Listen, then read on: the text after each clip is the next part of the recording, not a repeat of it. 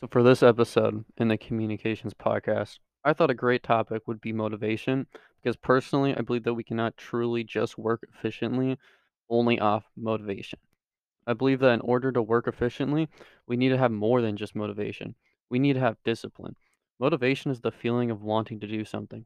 We get inspired to do something and then we want to do it. Personally, I believe that in order to be successful, we need discipline to keep us on track. Because no matter how much we love something, some days we're going to feel bad about it and want to stop. But that's when discipline comes in. Once we build in that code of behavior, we can push past our personal feelings of negativity for the time being and get to our goal a lot better. Motivation is like a high, and eventually you'll want to come down. Discipline keeps us at homeostasis, and we make progress more progressively instead of in short bursts. We can put this into perspective by keeping an organization functioning.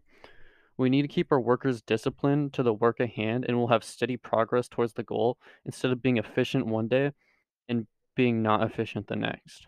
In hindsight, discipline will always be better than motivation.